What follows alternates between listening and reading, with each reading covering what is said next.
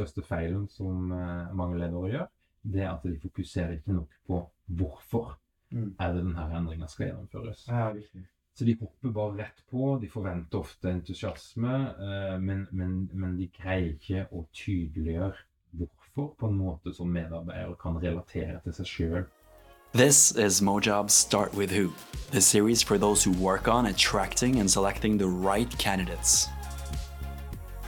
I dag har vi prata med Tor Åge Eikerapen, og her kan du lære hvordan han bruker sin bakgrunn som psykolog til å hjelpe organisasjoner med å lykkes.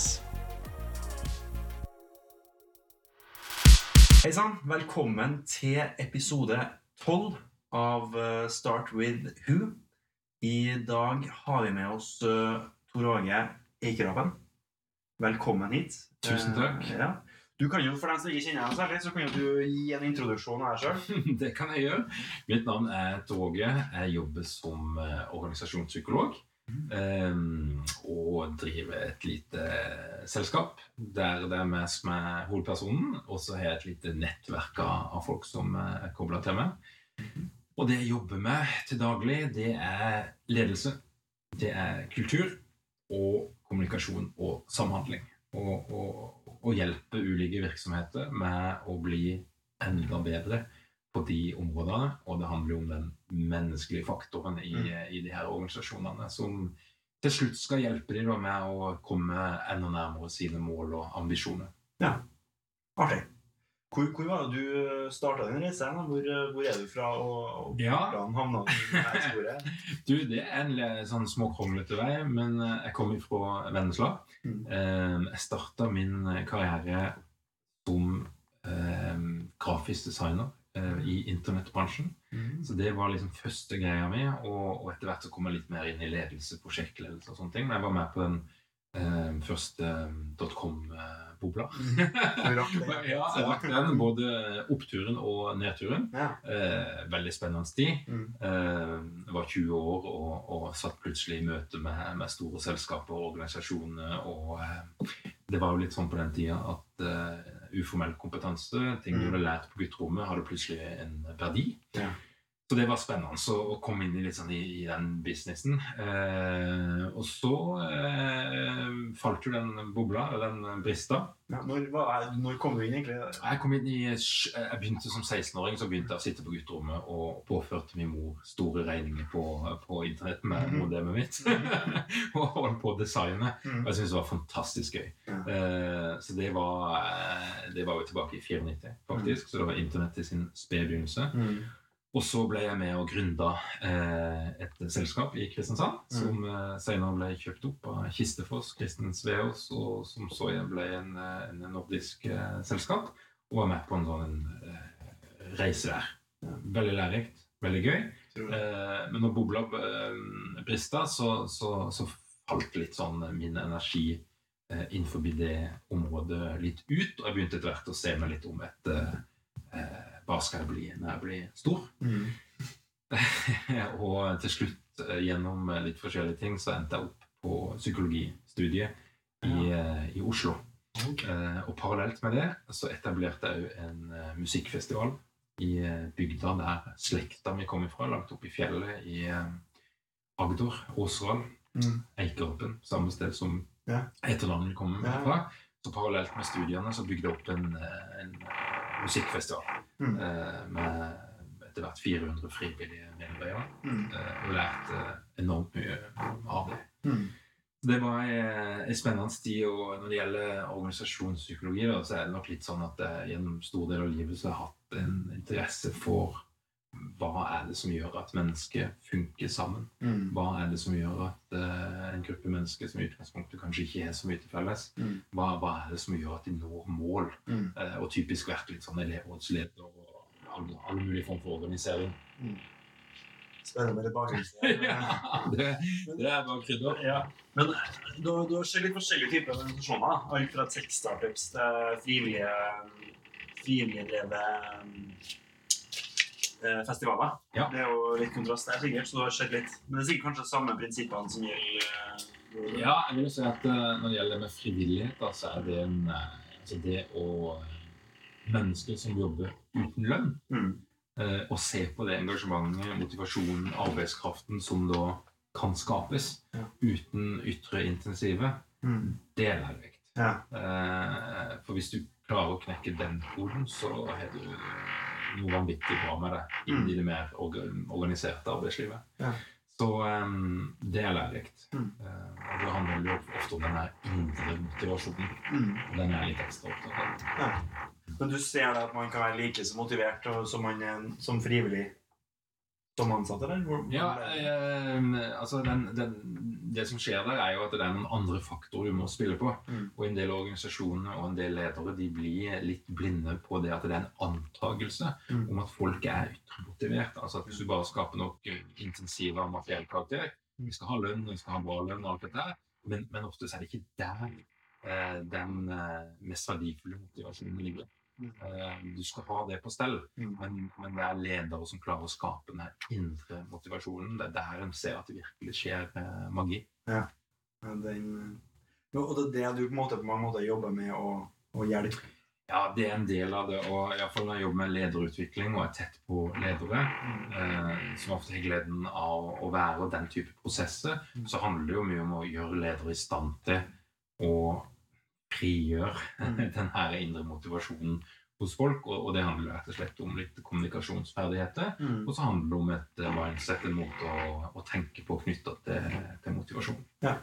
Så, Ja, hva for noen type bedrifter har du jobba med? da? du, jeg jobber med eh, mange forskjellige. Jeg jobber med alt fra utdanningssektoren, sykehus, eh, til mer rent kommersielle virksomheter. Så etter hvert så begynner lista å bli, eh, bli eh, ganske lang. Mm. Eh, men eh, det er mye av det samme som går igjen da, Mm. eh, i de her ulike virksomhetene. Ja. Um, Alle sammen har folk i seg. alle sammen har folk i seg. Det, det er jo noen, eh, noen virksomheter som er sterkere i hierarkiet. Mm. eh, der det er større skillelinjer mellom ulike folk. typisk sykehus. Mm. Og det er jo spennende Mm. i seg sjøl. Er interessante ting som kan oppstå. Mm. Hva, liksom, hva, hva er det du typisk ser, da? Eller hva er det du typisk må hjelpe bedrifter med? Hva er Ja. liksom den eh, typiske utfordringa? Uh, nei, eh, I det siste så har jeg jobba veldig mye med endring og omstilling. Ja. Uh, sammenslåinger. Eh, det er jo en rekke kommunesammenslåinger. Det er fylkesmenn, det er fylkeskommuner. Mm. Og jeg har vært inne i en god del av de. Mm. Eh, og det en ser, er jo at ledere undervurderer de psykologiske og kulturelle faktorene som aktiveres når en setter i gang store endringer på arbeidsplassen. Mm. Eh, og, og de greier ikke helt å forutse den motstanden som ofte kommer. Mm. Og, og de klarer ikke alltid å legge opp til gode endringsprosesser som sørger for at du klarer å få folk med på det som skal skje. Ja. Og det er veldig of, ofte så ser vi at det er en, la oss si en sammenslåing der det er en, for så vidt en strategisk god fit match mellom det som skal slå sammen, men eh, når menneskene skal begynne å jobbe sammen, så merker du at det er noen kulturelle forskjeller Ja. som gjør at du klarer ikke å eh, få ut den synergien som du kanskje ønsker. Det er en spennende greie. Så det er, og det er jo litt av mitt, eh, min fanesak. da. Det er jo at eh, skal du lede en virksomhet, skal du gjøre store endringer i en virksomhet, så må du ha med deg de psykologiske faktorene. Mm. Det er ikke bare nok å tenke på firkanter og økonomi og strategi som, som kan se bra ut, men Mm. du må ta høyde for at det er en del irrasjonelle faktorer Mm. som er ganske sterke. Men hva, hva, du, hva, hva gjør man da, for å drive frem endring på en god måte? Ja, du trenger gode ledere Ja. eh, som skjønner eh, litt av hva, hva er det som skjer her. Ja. Eh, og, og noe av den største feilen som eh, mange ledere gjør, det er at de fokuserer ikke nok på hvorfor Mm. er det denne endringa skal gjennomføres. Ja.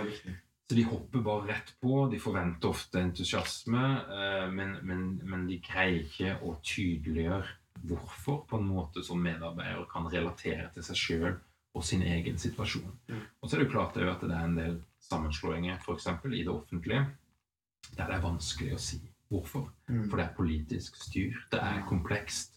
Det er, det er vanskelig å fortelle en, en genuin og god historie om hvorfor dette her skjer. Mm. Men det er nok den eh, første feilen som blir gjort. Mm. Og så er det en del skinnprosesser der en later som en involverer folk, eh, men egentlig er det meste beslutta på forhånd. Mm. Da skaper du mistillit, Mm. eh, paranoia og skepsis, eh, som gjør det vanskelig å, å føre prosessen videre. Ja. Og så blir det jo ofte fokusert for lite på informasjon, Mm. repetisjon av informasjon, og det at folk har et behov for å bli informert, òg når det ikke er noe å informere om. Eh, og, det okay. om, og det handler om å skape forutsigbarhet i det uforutsigbare. Og vi mennesker er jo bygd sånn at vi, eh, vi liker at verden rundt oss gir mening, at vi føler det er en logikk i det. Mm. Og de fleste liker å ha en viss forutsigbarhet når det kommer til det som skjer på jobb. Mm. Og der, eh, der er det en jobb å gjøre for ledere.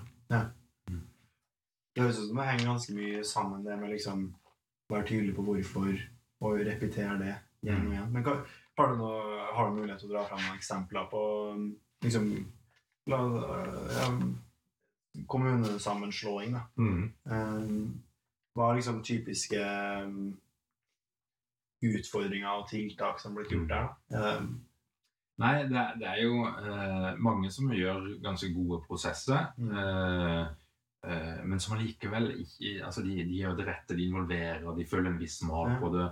De intervjuer, de kartlegger. Gjør mange gode ting. Eh, men dessverre så, så glemmer de ofte å trene lederne på det de skal inn i. For det å være, det å være leder når det er en driftssituasjon der alt er sånn som det pleier å være, mm, det er en type lederegenskaper. mm, Men det å skal lede noe helt nytt, mm, der du f.eks. får mennesker som kommer fra ulike kulturer med ulike forventninger, som kanskje har en tapsopplevelse, for de mista stillinga si ja. som de opprinnelig hadde, de mista arbeidsoppgaven, de mista noen kollegaer. Mm, Og, og det å skal skape da noe helt nytt, den kompetansen der, den er det ikke alle ledere som har. Selv om de har vært lenge i en organisasjon. Mm. Og det å trene ledere på de ferdighetene, Mm. der glipper det for en del. Mm. Og så er det altså da, som sagt, ganske mange som undervurderer eh, det mer emosjonelle knytta til å gjennomføre store endringer.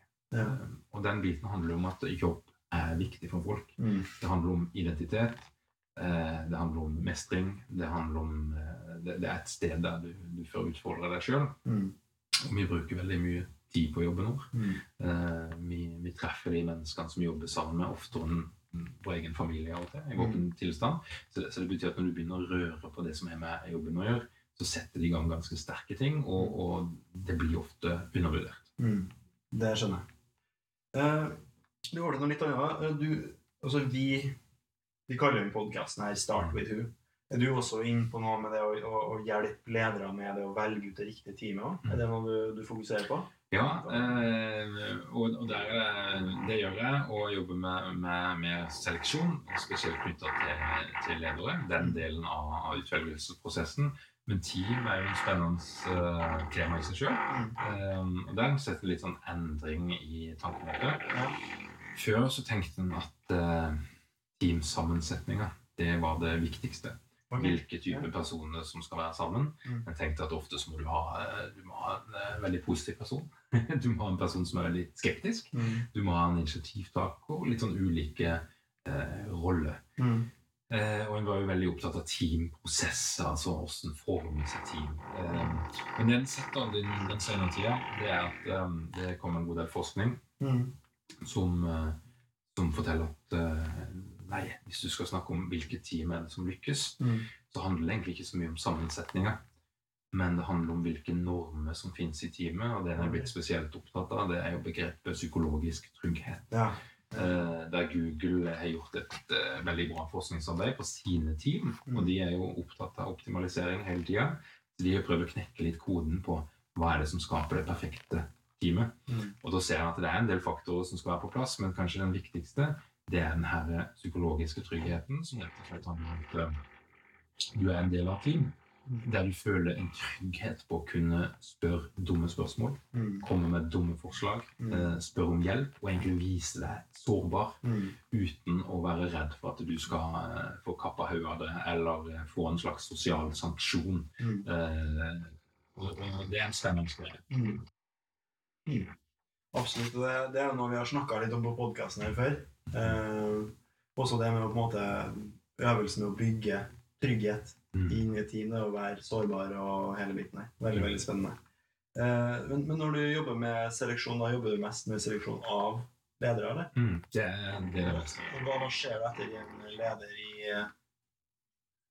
Ja, eh, det er jo det er, jo, det er flere ting.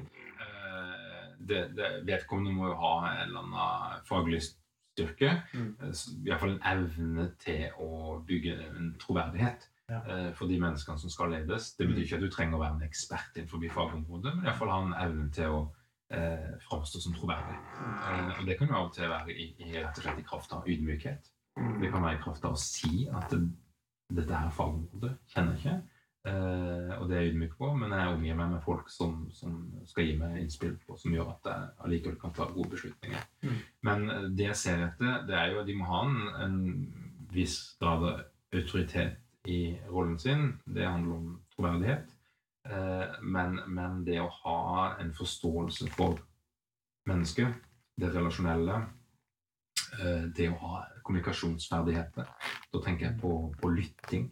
Evnen til å gå inn i ulike typer samtaler. Evne til å gi anerkjennelse. Evne til å formidle på en måte som gjør at folk blir med deg. Mm. Eh, Det tenker jeg er ekstremt viktig. Og så er vi, ser jeg ofte et eh, selvinnsikt. Eh, Evne til Ja. å forstå seg sjøl, hvordan du virker på andre, Mm. og, og, og vise litt innsikt knytta til det. Mm. Og det handler jo ofte om at du er litt nyansert. Altså at du, du er klar over at du av og til kan virke litt voldsom på noen. Av og til kan du bli litt for ærlig. Mm. Eh, altså når, når folk da begynner å snakke om de såkalte overslagene, Mm. så tenker jeg det bygger troverdighet. Eh, og det er en måte å skape tillit på. Ja. Overslag Altså du blir litt for mye av det gode, på en måte? Eller liksom, Ja, det, det er helt riktig. ja, det, det er den her talentoverslagsmodellen da, som jeg refererer litt til, og som handler om at hvis du har en god egenskap, Mm. som f.eks. ærlighet eller kapasitet, eh, så, så vil det ofte være sånn at hvis du overbruker Mm. den gode egenskapen din, Mm. så vil du få et såkalt overslag, som altså er en negativ konsekvens for deg sjøl eller for andre. Mm. Eh, og på, la oss si, ærlighet, så er jo det, et, det er en utmerket egenskap. Det er en god ting, det gjør deg forutsigbar og masse bra med det. Men, men overslaget kan jo være at du i noen tilfeller blir for ærlig. Mm. At du blir så direkte at du skremmer noen, sårer folk. Ja. Eller at du er litt ustrategisk i Mm. kommunikasjonen din. Mm. Eh, Det er ikke alltid du skal være ærlig på alt, eller å si alt. Nei. Eh, Du skal ikke være uærlig, men, men det å holde litt igjen kan i noen tilfeller være lurt, spesielt som leder. Mm. Jeg bruker å ha en sånn vits i min før å stille noen raske spørsmål eh, om forskjellige ting. Um, og det første er jo sånn at det her er jo en um, um, altså, podkast for type ledere, folk som jobber med å ja, kanskje rekruttere Mm. uh, HR. Uh, hvilke ressurser eller bøker ville du anbefalt dem å, å se nærmere på? Uh, Det er to bøker Mm. som eh, har vært eh, viktige for meg, eller en tankemåte. Og eh, nummer én det er boka 'Drive' Ja. av Daniel Pink. Ja. Og det er en sånn lettlest inngang og forståelse for indre motivasjon. Mm. Uh, og jeg tenker at Når du jobber med rekruttering, så handler det jo litt om å finne drivkraften. Uh, og matche den med, med, med jobben. Altså Tenker du at vedkommende potensielt kan få en drive, et engasjement for denne jobben? Mm. Uh, og, og, og da handler det om å identifisere det. Mm. Og da tenker jeg nok at det å ha en forståelse for motivasjonsteori, spesielt innom motivasjon, det er et godt utgangspunkt. Og, og den boka gir en, en eh, veldig fin innføring i det. Mm. Um, 'Thinking Fast, Thinking Slow', Daniel Kahneman. Mm. Det, det handler litt om de feilene som gjør. Mm. Uh, våre kognitive biaser, Mm. som ofte trer inn i en rekrutteringssammenheng. Mm. Utrolig spennende å se Ja. hvordan man sitter da, for min del med, med kunde og skal gjøre en rekrutteringsjobb, og der du har gjennomgått kanskje flere kandidater, Mm. eh, så, så, så begynner det å slå inn en rekke sånne type feilslutninger Mm. eh, knytta til Jeg opplever at vi er like. Altså at vi har de samme interessene. Ting som egentlig er irrelevant for jobben, men som allikevel blir en del av beslutninga. Eh, og det handler om, om sånne typer biaser, som, som eh, Kahneman da beskriver veldig godt og har gjort mye solid forskning på. Og det er jo litt av det som er viktig tenker jeg, med gode rekrutteringsprosess rekrutteringsprosesser, det er jo å få objektivitet inn. Mm. Eh, og bruke såpass mange informasjonsdatakilder at du prøver å luke vekk de verste i hvert fall, av de her kognitive feilene. Det er jo aldri mulig å få de helt vekk, men det handler om å redusere det og ha en bevissthet på at eh, av og til så styrer vi etter litt feil signaler. Mm. Komme seg litt over i system 2. Ja, rett og slett. Um, og sånn Du har jo som sagt hatt en ganske um, lang karriere med mye forskjellig du har Mm. gjort. Hva var den, eh, den beste feilen du har gjort gjennom din karriere? Du, jeg har gjort uh, utrolig mange feil. Mm. Uh, Hvilken har du lært mest? ja. Men det jeg nok har lært mest av, det er um, drive med musikkfestival. Det er en uh, ekstremt sånn energisk greie. Altså du skal prestere på en veldig kort Mm. tidsramme, Mm. og du får bare én sjanse i året Ja. og gjøre alt rett. Mm. og, og, og der handler det òg dette med å jobbe med frivillige, og det er iallfall um, fall, Jeg er ikke helt sikker på hvordan jeg skulle gjort det annerledes, men jeg var ekstremt stressa. Spesielt de første årene så, så var jeg altså, Hvordan var første året? Ja, det var jo eh, fantastisk og kaotisk og skummelt og, og sånn, men det, men det var um, og det, og det var en ekstatisk opplevelse å bare se mennesker som da fossa inn og ja, store greier. Mm. Dette her var jo på et bitte lite sted som egentlig bare er fem innbyggere, så det var jo ekstra sånn kontrast. Mm. Men, men jeg var mye stressa, og jeg var detaljfokusert. Mm. Eh, ekstremt opptatt av detaljer. Og altså, henne et gjerde skulle stå eller ikke stå, og den slags. Og så i det, den greia der så, så, så ble jeg veldig oppgavefokusert, og jeg hadde en tanke om at de rundt meg skjønte det. Mm. At dette her er så viktig, de her små tingene. Eh, men det som jeg gjorde feil, det var at eh, når jeg gikk rundt sånn og var stressa, så var jeg jo utilgjengelig for de menneskene som kanskje hadde behov for at jeg ga litt støtte og hjelp og, og bidrag. Mm. Eh, og så ble jeg òg nok oppfatta som ganske arrogant og litt sånn uvennlig. Eh, og, og, og det var jo helt motsatt for min rolle som leder. Det var jo å skape motivasjon og støtte folk og klappe folk på skuldra. Isteden gikk jeg rundt og stressa med, med detaljer som jeg egentlig kunne latt være. Mm. Og det tok jo noen år da før jeg fikk tilbakemelding på åssen jeg ble opplevd av andre. Mm. Og det var jeg helt blind for. Ja. Eh, og det gjorde nok at jeg ble mer sensitiv på at eh, du må liksom legge litt merke til du virker du for andre. Mm. Og min egen opplevelse og antakelse om hvordan jeg virker på andre, den kan være helt feil. Mm. Eh, så jeg lærte mye av det, eh, å forstå meg sjøl utenifra.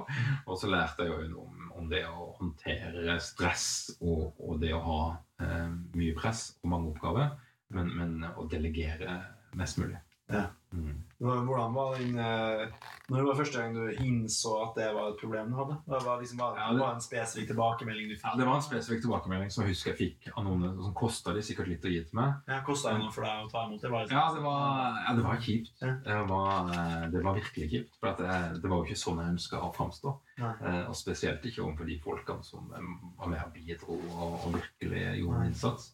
Eh, og så skulle jeg liksom være eh, den kjipeste. Mm. så, eh, så det var smertefullt, men absolutt nødvendig og lærerikt. Mm. Artig. Hva er det som får deg til å stå opp hver dag og, og fortsette med det du driver på med? Ja, Hva er det som motiverer deg? Ja Har du går, kanskje en quote eller noe sånt? Ja, det er et godt- godt spørsmål, da. Men, men eh, jeg jobber jo med mye forskjellig. Eh, jeg er heldig. Jeg driver litt sånn organisasjonspsykologisk landhandel. Mm. Så jeg er med i noen lange prosesser Mm. eh, som enten handler om en hel organisasjon eller le enkeltledere som jeg følger over lang tid i spesielt utfordrende eh, perioder. Og så er jeg jo òg en, en fyr som gjør veldig mye foredrag, korte workshops, altså der jeg er inne i organisasjonene ganske kort. Mm. Eh, og, og sånn sett litt begrensa mulighet til å gjøre de store endringene. Mm. Men det jeg opplever da Av og til så kan jeg jo tenke at eh, det jeg holder på med når jeg f.eks. har vært og holder foredrag, det er litt sånn selvfølgelighet, eller eh, det er mer underholdning enn en læring. Mm. Og liksom trenger folk egentlig å høre dette her. Mm.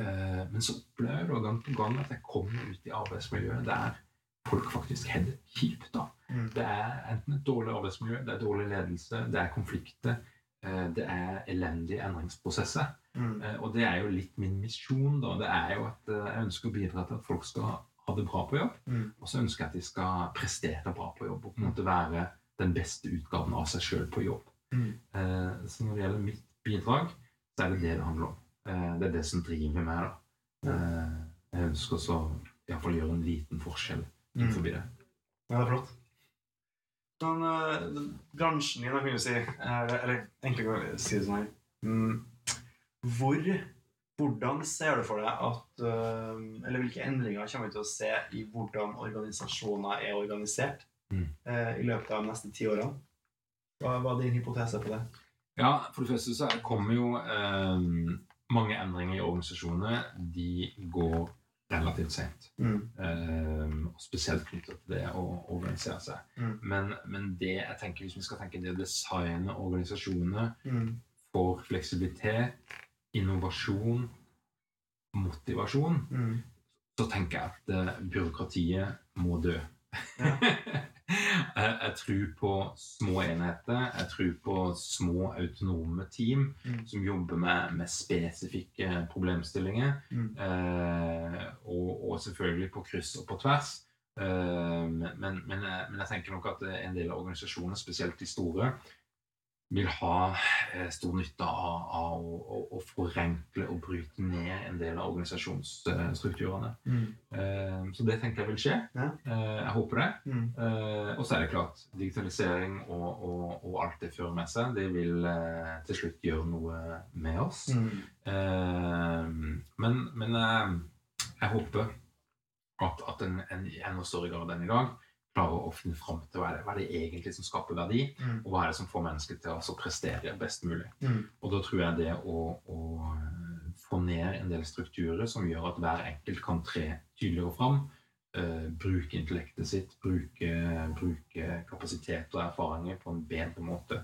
Og da, da må de her store, mer byråkratisk tunge organisasjonene må bli noe lettere, tror jeg. Mm. Um, og hvis en ser på da Google, jeg tenker det er et lurt sted å se. Facebook, eh, den type organisasjoner som jeg vil påstå ligger ganske langt framme, eh, så er det ofte sånn de organiserer seg. De organiserer seg i eh, små, autonome team. Mm. Det er noen som har sagt at et velfungerende team det kan du mette med maks to pizzaer. Mm. Eh, Og jeg tenker nok at den retninga der, ikke i alle bransjer nødvendigvis, men det er der vi må. Mm. Og så tror jeg jo at Jeg håper i hvert fall på at de menneskelige faktorene blir enda viktigere. Eh, vi ser det i dag allerede at eh, i mange bransjer så er produktet likt. Hvis du f.eks. tenker på treningsbransjen, hvis du Mm. tenker på hotellbransjen til en viss grad. Produktet er relativt likt, Mm. eh, men det er menneskene som du møter, som gjør forskjellen. Eh, det handler om service, det handler om kommunikasjon, det handler om psykologi. Og det å lære folk opp på people skills, og det å plukke de menneskene som har det i seg, Mm. eh, tenker jeg blir en stor jobb. Jo knytta til, til rekruttering. Mm. Spennende. Eh, forresten, eh, har du, har du sett noe på sånn type sånn um, Hva er kaller det? Sånn uh, teal organizations og Hva heter det for noe? en Holacracy? Har, har, har du sett noe på det? Har du Mm. trua på det? Eh, ja, altså eh, Holocracy, det handler vel om å eh, Du må hjelpe meg litt på det. Ja, det er ingen ledere. Ja. Du har på en måte bare altså, man, altså den levende organisasjonen. Organisasjonen organiserer seg sjøl. Eh, og jeg tenker at eh, i noen typer organisasjoner Mm. så kan det funke. Men eh, jeg må huske at eh, det- er ikke alle virksomheter som er rene kunnskapsbedrifter Nei. med en stor grad av selvstendighet. Altså det er fremdeles manuelle oppgaver som skal gjøres. Mm. Det er um, varierende grad av kompetanse, Ja. uh, selvstendighet, uh, den type ting. Så jeg tenker at på noen organisasjoner så kan det funke veldig bra, mens andre organisasjoner trenger ledelse, trenger noen som er ansvarlig, in charge, som du kan se på. Så jeg, jeg tror nok ikke at ledelse kommer til å gå av moten, Nei. eh, men jeg tror det finnes organisasjoner der det vil funke og, og gi enda mer grad av, av frihet. Mm. Det er jo litt eh, det med at eh, kanskje ikke man trenger å ha ledelse i system, hvis du skjønner hva jeg mener, Mm. at man heller kan ta et steg frem og måtte ta den lederrollen litt sjøl i organisasjonen. Men det er veldig spennende. Hvis vi, hvis vi tar, nå, var vi ti år frem i tid. Hvis vi går ti år tilbake, da, og så ser vi på en ti år yngre versjon av deg sjøl, Mm. eh, hvilke råd ville du gitt deg, deg sjøl? ja, jeg er jo en litt sånn eh, eh, optimistisk type, sånn at jeg, jeg, liksom ser framover mer enn jeg ser bakover. Ja. Men det er klart, um, jeg satte i gang noen Ja, la oss gå ti. Jeg tenker kanskje 20 år tilbake. Men, men, men, men eh, hvis jeg tenker på eh, Jeg gjorde en del internettprosjekter, nettbaserte ting, som, som kanskje hadde et potensial. Mm. Eh, da snakker vi om tilbake på begynnelsen av av 2000-tallet. Mm. Eh, og jeg ser nok det at eh, en del av de tingene som jeg satte i gang der Hvis jeg hadde flytta til San Francisco Mm. på det tidspunktet Mm. og, og gjort noe av de samme tingene eh, og brukt noe av den samme metodikken, så hadde det nok vært mer fruktbart Mm. enn å gjort det i Norge. Mm. Eh, så hvis jeg skulle gitt et råd til meg sjøl for 20 år siden, så var det nok flytte til San Francisco Ja. eh, og Og gjøre greier der. Og prøve å gi den startup-drømmen en sjanse. Ja. Hadde en bedre sjanse der enn her. Ja. Det er spennende. Um, til slutt, sånn, du jobber jo med å hjelpe bedrifter. Mm. Uh, hva er det du kan hjelpe folk med, og hvordan kommer man i kontakt med deg? Det Ja. jeg er jo Jeg bruker sosiale medier veldig mye og syns det er gøy.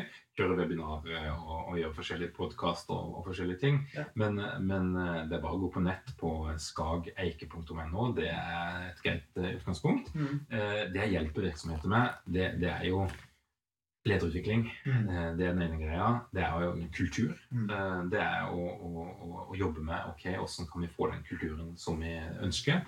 Og jeg jobber mye med endringsprosesser Ja. og kommunikasjonstrening. Mm. Det handler rett og slett om å lære seg kommunikasjonsferdigheter som du enten bruker internt, eller du bruker det ut mot kunde og bruker, altså de menneskene du jobber med. Men, eh, men det er en eh, veldig gøy greie og veldig praktisk greie som jeg liker å holde på med.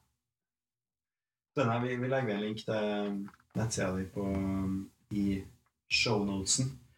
Eh, du, tusen hjertelig takk for at du tok deg tida til å ta en prat med meg. Og så ønsker jeg masse lykke til videre. Tusen takk. Veldig hyggelig å bli invitert.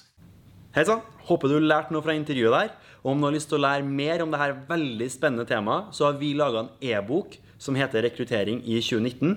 Eh, Og du kan laste ned den e-boka helt gratis nå ved å trykke på linken i innlegget her. Lykke til!